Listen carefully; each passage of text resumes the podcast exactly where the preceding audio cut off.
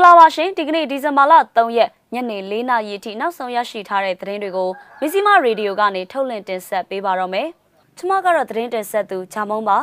။ KNU တပ်မဟာ9မှာနိုဝင်ဘာလအတွင်းစစ်ကောင်စီတပ်ဖွဲ့ဝင်100ကျော်ကြာဆုံးခဲ့ကြောင်းသိရပါဗျ။မွန်ဝန်ကြီးချုပ်ဒေါက်တာအေးဆန်ကိုအဂရိအမှုအတွက်ရုံးထုတ်ခဲ့ပါတယ်။ရန်ကုန်မန္တလေးအမြန်လမ်းပေါ်မှာစစ်ကောင်စီကမိုင်း6လုံးနဲ့တက်ခိုက်ခံခဲ့ရပါတယ်။ဒီသတင်းတွေနဲ့အတူ ရေဖြူမြို့နယ်မှာအုပ်ချုပ်ရေးမှူးတဦးပြစ်ခတ်ခံရပြီးသေဆုံးတဲ့သတင်းကိုလည်းတင်ဆက်ပေးပါမယ်ရှင်။ KNU မူဒရခရိုင်တပ်မဟာ9နယ်မြေမှာတလအတွင်းရင်ဆိုင်တိုက်ပွဲပေါင်း150ကျော်ဖြစ်ပွားခဲ့ပါတယ်။ဒီတိုက်ပွဲတွေတွင်စစ်ကောင်စီတပ်ဘက်က100ကျော်ကြာဆုံးခဲ့တယ်လို့ KNU မူဒရသတင်းစင်ကဒီကနေ့မှထုတ်ပြန်လာပါတယ်။ထုတ်ပြန်ချက်အရနိုဝင်ဘာလတလအတွင်းတိုက်ပွဲပေါင်း152ကြိမ်ဖြစ်ပွားခဲ့ပြီးစစ်ကောင်စီတပ်နဲ့နေကြားဆောင်တပ်ပူးပေါင်းတပ်ဖွဲ့တွေဘက်ကကြာဆုံးသူ 103ဦးနဲ့ထိခိုက်ဒဏ်ရာရသူ88ဦးရှိခဲ့တယ်လို့ဖော်ပြထားပါတယ်။စစ်ကောင်စီတပ်ဘက်ကကြာဆုံးသူတွေထဲမှာတပ်ရင်မှု2ဦးနဲ့တပ်ခွဲမှု2ဦးပါရှိပြီးစစ်ကား9စီးကိုလည်းဖျက်ဆီးနိုင်ခဲ့ကြောင်း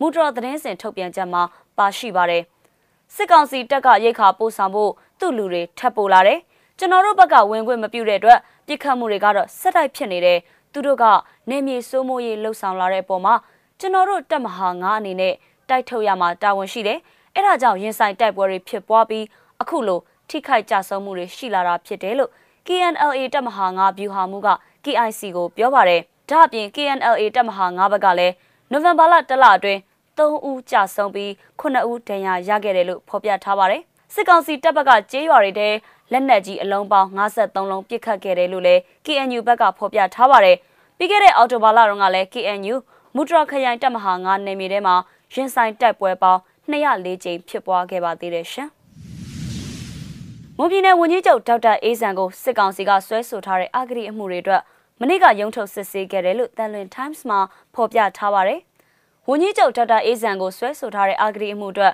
ကြိုက်မရောဗဟုအကျဉ်းထောင်တွေကအထူးတရားရုံးမှာရုံးထုတ်စစ်ဆေးခဲ့တာဖြစ်ပါတယ်။ရုံးချိန်မှာတော့စစ်ကောင်စီကတင်သွင်းလာတဲ့တရလိုပြသက်သေ2ဦးကိုစစ်ဆေးခဲ့တာပါ။ဝန်ကြီးချုပ်ဒေါက်တာအေးဆန်က အရင်ကကိုဗစ်ရောဂါကူးစက်ခံခဲ့ရပေမဲ့အခုအခါမှာတော့ကျန်းမာရေးကောင်းမွန်နေတာဖြစ်ပါတယ်။သူ့ကိုစစ်ကောင်စီကဖမ်းဆီးထိန်းသိမ်းပြီးတဲ့နောက်အဂရိလိုက်စားမှုတိုက်ဖျက်ရေးဥပဒေပုံမှန်55နဲ့အမှု၉မှုဖွင့်လှစ်ထားတာပါ။ဒါ့အပြင်မွန်ပြည်နယ်ဝန်ကြီးချုပ်အနေနဲ့ပြီးခဲ့တဲ့ February လတုန်းကဝန်ထမ်းတွေကို CDM လှုပ်ရှားမှုမှာပါဝင်ပေးဖို့တိုက်တွန်းခဲ့တယ်လို့စစ်ကောင်စီကဆွဆွဲပြီးရာဇသက်ကြီးဥပဒေပုံမှန်905ကကြီးနဲ့အမှုဖွင့်စစ်ဆေးနေတာဖြစ်ပါတယ်ရှင်။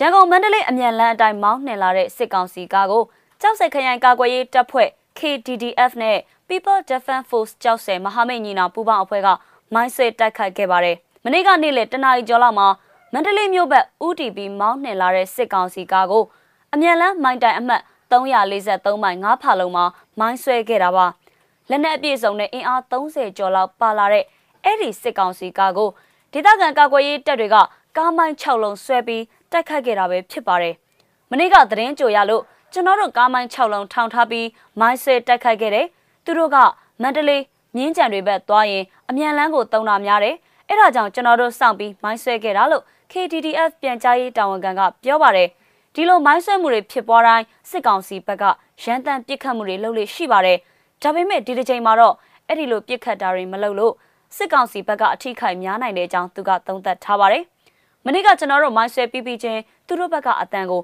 နားထောင်သေးတယ်။သူတို့ဘက်ကဘာသနက်တန်မှမကြဘူးကျွန်တော်တို့အထင်တော့ဒစည်းလုံးကြွသွားတယ်လို့ထင်တယ်ကားဘလောက်ချင်းနေထိပြက်စီးသွားလဲတော့မမြင်လိုက်ဘူးတကယ်လို့မသေးပဲကြံတဲ့သူရှိရင်လေကျွန်တော်တို့ဝင်ပြမယ်လက်နက်ကောက်မယ်ဆိုပြီးစီစဉ်ထားတာလို့ KTDF ပြန်ကြားရေးတာဝန်ခံကရှင်းပြပါရတယ်ဒီမိုင်းဆွဲမှုပြီးမှစစ်ကောင်စီတပ်ဖွဲ့ဝင်တွေကိုပြစ်ခတ်ရှင်းလင်းပြီးလက်နက်ကောက်ယူဖို့စီစဉ်ထားတာပါဒါပေမဲ့ပြည်သူတွေလိုက်ပါစီးနှင်လာတဲ့ Express က မောင်းနှင်ဖြတ်တန်းလာလို့မဟာမိတ်ညီနာပူပေါင်းအဖွဲ့တွေကဆုတ်ခွာခဲ့ရတယ်လို့သိရပါတယ်။ဒီလိုတက်ခတ်ခံရပြီးတဲ့နောက်လူနာတင်ရင်တွေရောက်လာပြီးစစ်ကောင်စီဘက်ကလည်းလမ်းတွေကိုပိတ်ဆို့ရှာဖွေစစ်ဆေးမှုတွေပြုလုပ်ခဲ့ပါတယ်။ပြည်သူတွေအနေနဲ့ထိခိုက်မှုမဖြစ်အောင်စစ်ကောင်စီတပ်ဖွဲ့ဝင်တွေနဲ့ဆက်ဆက်နေရာတွေကနေခတ်ခွာခွာနေပေးကြဖို့ကာကွယ်ရေးတပ်ဘက်ကမြစ်တာရက်ခံထားပါတယ်ရှင်။နောက်ဆုံးသတင်းအနေနဲ့တနင်္သာရီတိုင်းဒဝဲခရိုင်ကပြစ်ခတ်မှုသတင်းကိုပြောပါမယ်။ ရေဖြူမြို့နယ်စင်းသေးကျေးရွာအုပ်ချုပ်ရေးမှူးဒီကနေ့မနက်6နာရီဝန်းကျင်မှာပြစ်ခတ်ခံရပြီးသေဆုံးသွားတဲ့အကြောင်းဒေသခံတွေစီကသိရပါတယ်။သူကစစ်ကောင်စီခန့်အုပ်ချုပ်ရေးမှူးဦးစိုးနိုင်ပါ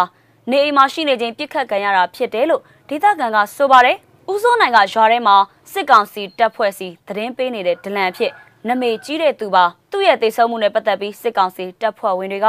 လာရောက်စစ်ဆေးမှုတွေလည်းပြုလုပ်နေပါတယ်ဘယ်အဖွဲ့ကပြစ်ခတ်ခဲ့တယ်ဆိုတာကိုတော့မသိရသေးပါဘူး အလောင်းကိုတော့ရေဖြူမြို့နယ်စေယုံကိုပို့ဆောင်ထားတယ်လို့သိရပါတယ်ရှင်မဇ္ဈိမရေဒီယိုရဲ့ညနေ၄နာရီထိနောက်ဆုံးရသတင်းတွေကိုတင်ဆက်ပေးခဲ့တာပါ။စောင့်မျှော်နားဆင်ပေးခဲ့ကြတဲ့အတွက်ကျေးဇူးတင်ပါတယ်ရှင်။